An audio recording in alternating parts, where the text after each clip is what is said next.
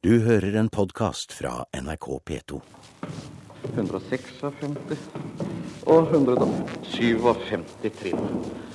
Ja, det var langt til topps. Her er vi med Bodø kringkasters første sjef, Leif Jensson, opp trappene i fyret på Andenes i året 1936.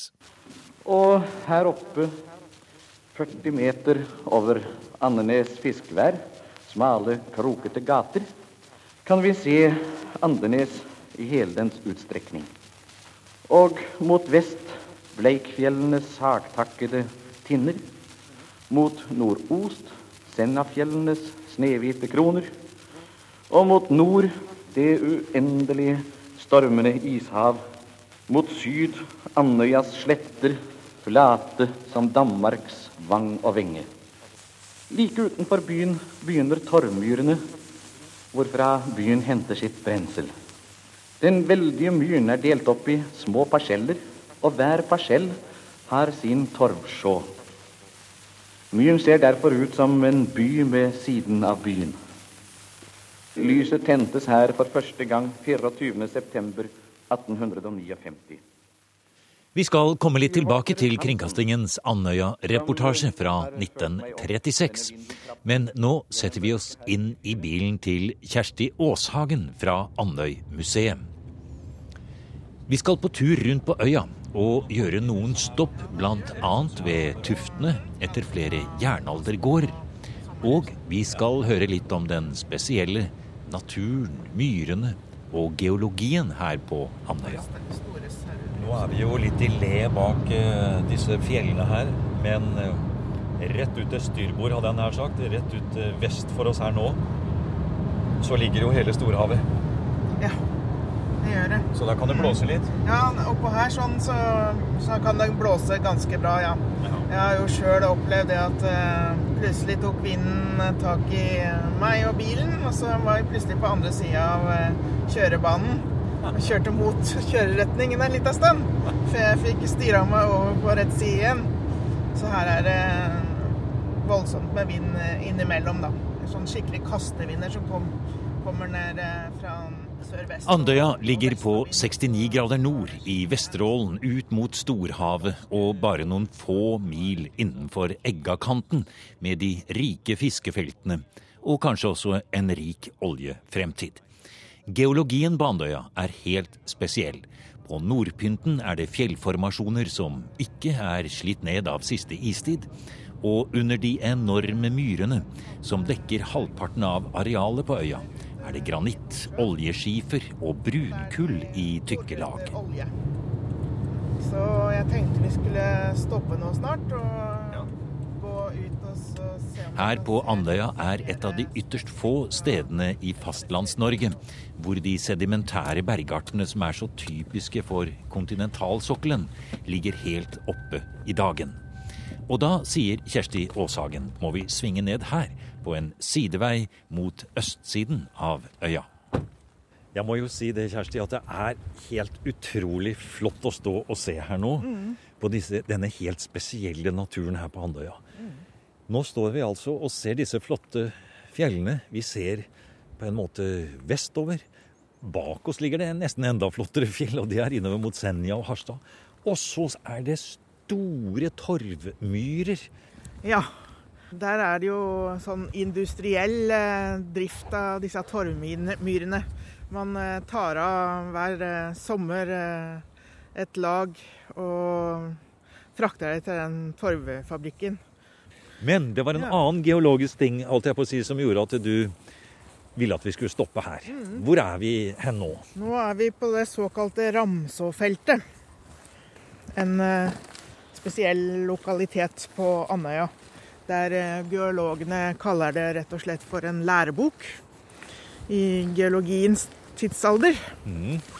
Vi skal nå gå inn i en eh, periode fra jura- og krittiden. Altså borti 144 millioner år siden. Så det er gjort noen funn her da, som er veldig spennende. Eh, Nå er vi tilbake i dinosaurtiden. ja, det er vi.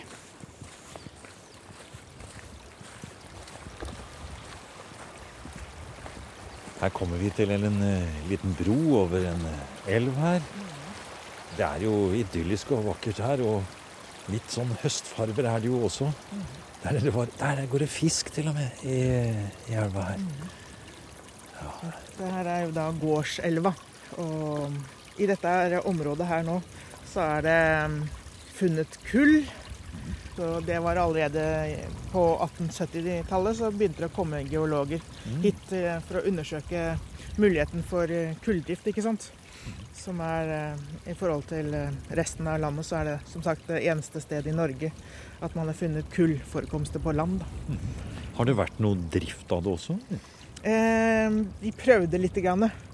Eh, og tyskerne ville også prøve under annen verdenskrig. Det er et lite dagbrudd på andre sida her, som nå er fylt opp av vann. Mm. Men eh, det var jo her i eh, 1952 at eh, man fant eh, Jeg tror det kanskje var noen grunneiere som fant noe spennende her. Og det viste seg å være deler av et øgleskjelett. Og i 1971 så fant man et helt fiskeøgleskjelett. Det var jo veldig stas, da. Og ja. veldig spennende, egentlig. Et, et helt skjelett. Så det, nå i de siste åra så har jo snart i ti år gravd på Svalbard. Ja. Det er jo samme tidsalderen eh, disse øglene er fra. Mm. Mm. Så er, Den øgla vi fant, den er jo liksom sagt at det skal være 144 millioner år siden. Mm. Se så fint uh fjellene bort på Senja kommer frem der nå. Ja. Det er flott å se fra her ja. ja. Og hvordan eh, skyggevirkningen og sola bryter gjennom skyene her. Ja. Veldig forrevet og taggete landskap. Mm. Mens her, enda lenger ute, så står vi på nesten slette, store flater. Mm. Ja, det er, det er, veldig stor forskjell. Fra, og så er det litt stor forskjell på yttersida av Senja og innsida. Da. Men eh, det er veldig karakteristisk. Så ser vi jo også så tydelig her sporene etter bare for noen år siden hvordan det ble drevet jordbruk her, og det, vi står ved siden av noen litt nedlagte små gårder her, og en liten molo der hvor det har vært grunnlag for kanskje en uh, sjark eller to mm. som har ligget bak der, men det er jo ikke sånn lenger nå. Nei. Nei. Det er nok eh, ikke Det er bare fritidsfiske som drives fra den moloen ja. nå, ja. ja. De som bodde her, de um, flytta opp nærmere hovedveien. Ja. Det var liksom med kommunikasjonen å gjøre. Ja. Altså de flytta den opp til veien ja. når veien ble bygd. Ja. Der kan vi se styrehuset på Sjarken. Den ligger vel på land der borte. Ja. Og en grunnmur fra en låve som er ikke mer, og platekledde hus som er stengt for en stund siden. Men for en flott beliggenhet. Ja, det er veldig flott her. Ja. Så der flyr det opp i Gjess, tror jeg. Ja, da stemmer det. De er her på tur til, fra Svalbard og, og, på vei sørover, så er de her også. Ja. Og vi skal videre på vår reise rundt Andøya. Vi er på vei tilbake i historien, og vi skal snart stoppe i jernalderen. Men på vei tilbake dit stanser vi i 1936 og får høre litt om datidens bureisning på de store myrene på Andøya. Myrene dekker flere hundre tusen mål, og selskapet til emigrasjonens innskrenkning, Ny Jord som det het, kom også hit. Andre steder i Norge hvor bureisningen var aktiv, var på Smøla og i Nord-Trøndelag. Og meningen var å gi et alternativ til utvandringen til Amerika. Ja, selskapets eh, formål er liksom å få plassert folket ut på de store dyrkningsvidder, der hvor jorden er. Det alminnelige ønsket er nok omvendt. Man vil gjerne ha jorden der hvor folket er. Vi kjøper da inn større eh, strekninger som vi anser skikket for eh, til dyrkningsjord. Denne jorden kartlegger vi og skifter det ut i brukene. Dernest bygger vi de nødvendige veier, gjerne adkomst til hver enkelt bruk hvor de kan finne seg en byggeplass. Og graver de eh, nødvendige større avløpsgrøtter. I 1936 var det blitt dyrket opp 20 000 mål myr med til sammen 53 bureisningsgårder på Andøya. Det var trange tider, og man prøvde seg med okser istedenfor hester som trekkraft, forteller bestyrer Markussen til Kringkastingens mann i 1936. Hester var for dyre, og oksene kan man selge etter hvert, sier han. En av bureiserne på Bjørnskinn på Andøya het Håkon Johansen. Ja, Håkon Johansen, vil De svare på et par spørsmål? F.eks. be dem fortelle om når de begynte her som bureiser. Jeg begynte her i 1927. Og hvor stort bruk har de? Eh, Det er 170 mål. 170. Ja. Og hvor meget har de nå dyrket opp på dette bruket? Det er 27 mål. 27 mål. Hvor stor er besetningen, da? Tre kyr. Syv sauer. To griser og noen høns. Jeg har forsøkt med kornavl, Kornavl? ja. og det har vist seg å være bra. Ja. Kornet har modnes hvert eneste år. Hvordan årene har vært. Ja. Det var forresten en ting som jeg ikke venta. Jeg er kommet fra ei innlandsbygd der vi er vant med kornavl, og hit opp til Vesterålen. Men allikevel har det vist seg å gå godt med kornavlen. Det virker nesten utrolig i våre dager med fraflytting og helt andre tider i jordbruket. Det slitet man ser for seg for å være mest mulig selvberget. Og dette med kornproduksjon på Andøya, det kunne absolutt gå bra, sier agronom Medby i reportasjen fra 1936. Vi har eksempel på at også ro kan dyrkes. Og vi har til og med eksempel på at kveite kan dyrkes rute. Jeg vil nevne at den kjente foregangsmannen her, by, eh, sykkelfabrikanten Ulrik Dale Dverberg, har fått eh, ganske fin kveiteavling på sin gård som ligger der ute på de snaue eh, andmyrene. Dessuten kan vi naturligvis dyrke mm, hagevekster av forskjellig slag. Vi har ikke så sjelden kålhaug som er en eh, fire-fem kilo. Ja, vi har de enkeltvis også tyngre. Bor det noen folk i huset her, da? Ja da, det gjør det. Ja. Det er òg blanding av fastboende og sommerhus. Ja. Ja, nå, Kjersti, nå kjenner vi ordentlig god lukt av gjødsel her, enda vi sitter inne i bilen og kjører, så det er jordbruk her. Ja, det er det. Så det er nok en bonde som har gjort med møkkere og skal møkre Ja. jordet sitt. Ja. Og rett ut til venstre for oss nå, i den retningen vi kjører her på Andøya, så er det vel Er det det som heter Risøyrenna? ja, Ja. det stemmer. Mm. Her er det ikke så dypt. Nei, det er eh, helt utrolig. eh, Det er 20 cm klaring mellom eh, Sanda og Hurtigrutene. De store, svære Hurtigrutene. Så det er stort behov for å mudre opp på nytt. Det er hvor sanda bare kaster seg opp på sandbanker, da. Så de må, har det vært sagt, eh, av og til vente på høyvann, da. Eller Flosjø. Ja. Mm. For å komme inn, ja. For For at. Hurtigruta skal Mm. komme inn. Ja. Og her er det skilta med severdighet til jernaldertufter. Ja. Dit skal vi, Kjersti. Ja, det skal vi. skal vi kjøre av veien. Ja. Ja, nå har vi kommet til Åse, til eh, jernaldertufter.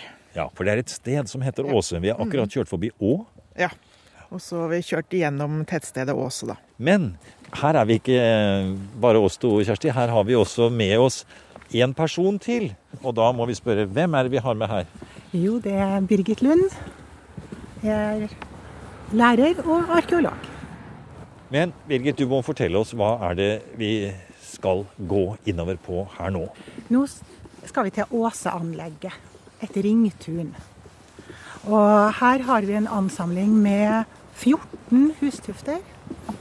Samla rundt i en ring med en åpen plass, en oval plass da i midten. Beskriv litt av det området vi står og ser utover her nå. Her har vi den åpne, ovale plassen i midten. Ja, hvor det nokså sannsynlig har vært eh, ja, ildsted, eh, en sånn forhøyning. Rundt her ligger da disse 14 tuftene. Eh, to og to hadde da felles eh, sidevegger, og veldig mange av disse husene hadde åpen gavelvegg ut mot denne åpne plassen. Den siste teorien da om den bruksperioden hadde Inger Storli, eh, og hun eh, daterte det her til 200 til 600 etter Kristus. Eh, husene er en åtte til ti meter lang. Og det er så lange, ja. Ja. Vi må la oss gå bort og se på, Ja, på en av dem. Vi skal gå her, ja. Vi går den veien. Um, det er ikke gjort funn av stolpehull, så derfor så kan de ikke si noe om hvordan takkonstruksjonen har vært. Eh, Det er ikke bygd opp med stein eh, i bunnen, disse veggene, men sand og jord og torv og Så litt sånn fellestrekk med samisk eh, gammebygning. Så det har jo vært én av teoriene for hva, hva har det her vært i bruk, bruk for. Kan jo tro at dette her må være sånt eh, for hirden til høvdingen, altså et høvdingetun, enten eh, høvdingens bo, bostedområde var også, en av teoriene, eller da eh, bosted for hirden. Eh, Men jeg syns den er litt interessant, den der teorien da, til Inger Storli, at her har det kanskje vært et samlingssted for likestilte menn i det her jernalderens stammesamfunn. Og så hvis man går, altså her får du egentlig ikke den altså sånn, eh, se hvor storslått det er. Men hvis du går litt ned på myra og betrakter det hele på avstand, da er det litt sånn monumentalt. Og så er det jo ikke eh, mange hundre meter da, ned til sjøen. Så her har vi jo riserenna igjennom. Nettopp. Ferdselsåren. Ja, nettopp. Og så er det jo flatt område rundt, så hvis det har vært et militæranlegg av noe slag, så er det jo også treningsområder her. Ja, det, det er det. Ja, det er- Og hvis vi snur oss nå, Ja. så, så er det en, eh, en ås her oppe, en høyde, og der er det funnet langhus. Det er spor etter mange jernaldergårder og gravanlegg på Andøya. Og nå vil arkeolog Birgit Lund ta oss med til sitt favorittsted. Da må vi over på vestsiden av Andøya, inn på noen smale grusveier forbi en sauegrind, og så er vi der. Ja, Birgit, her suser det i eh, noen små bjerker. Det er en bekk som går forbi her.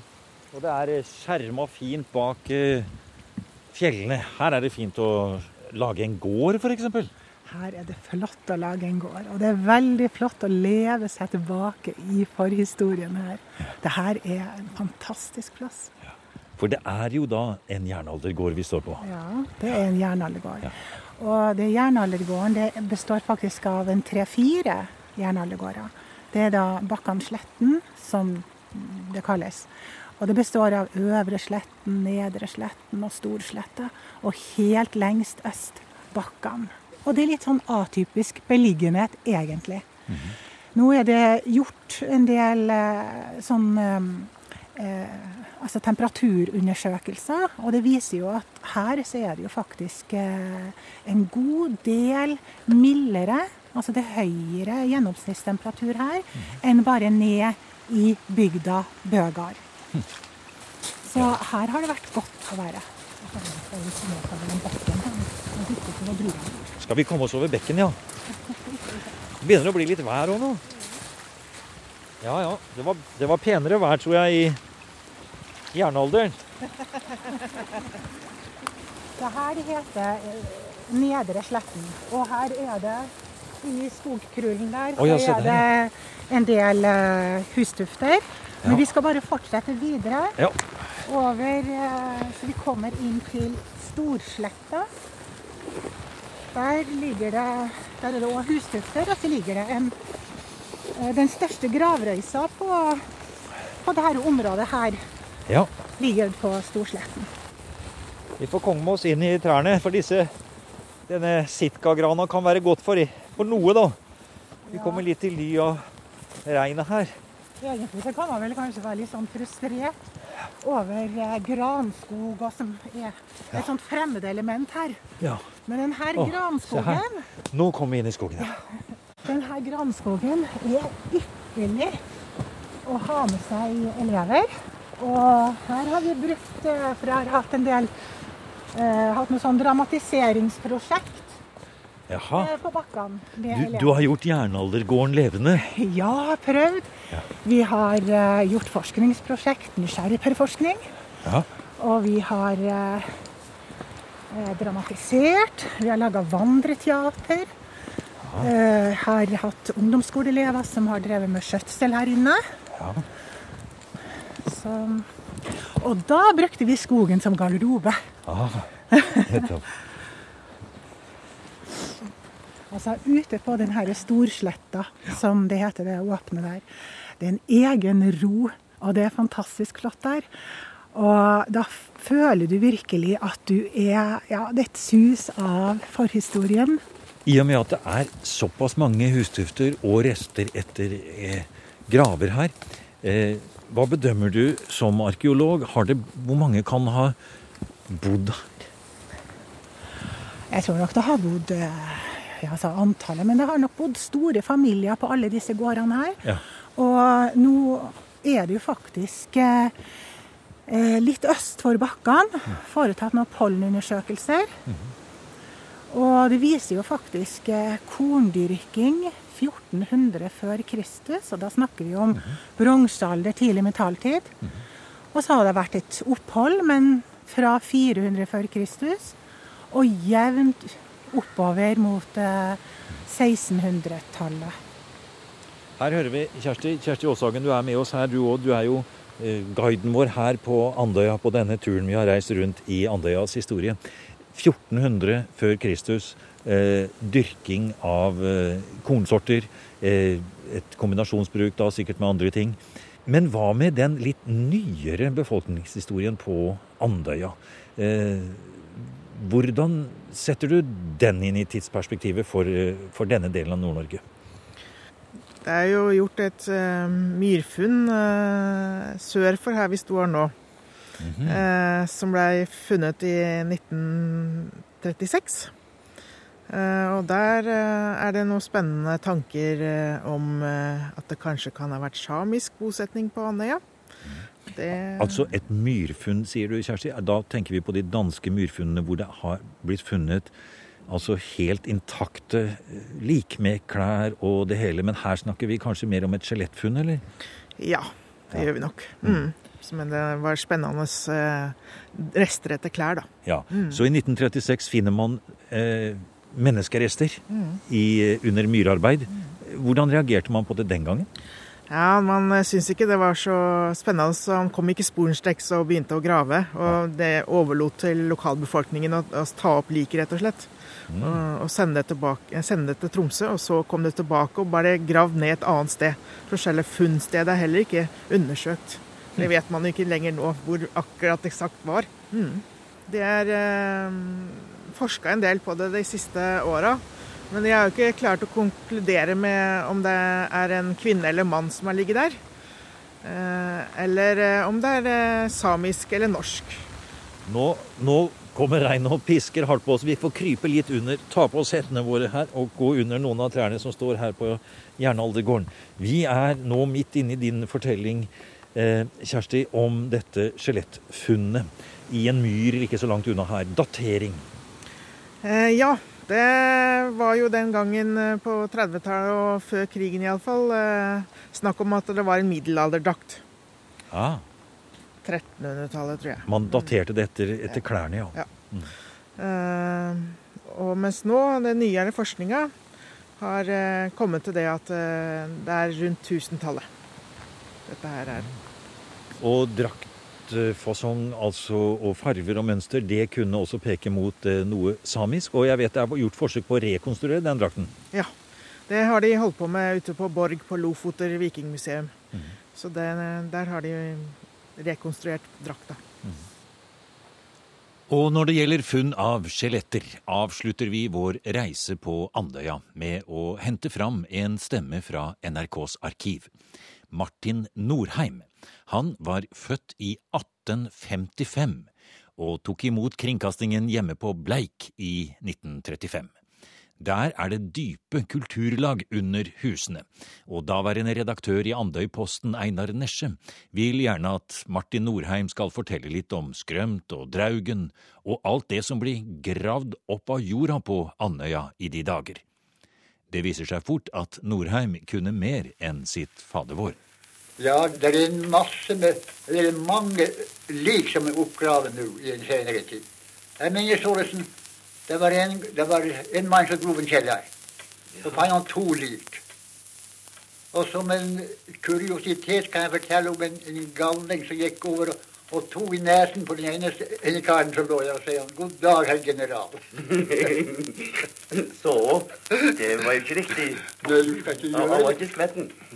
Men eh, Han hadde, han hadde vært nedlagt med sverd og øks og, eh, og i heil.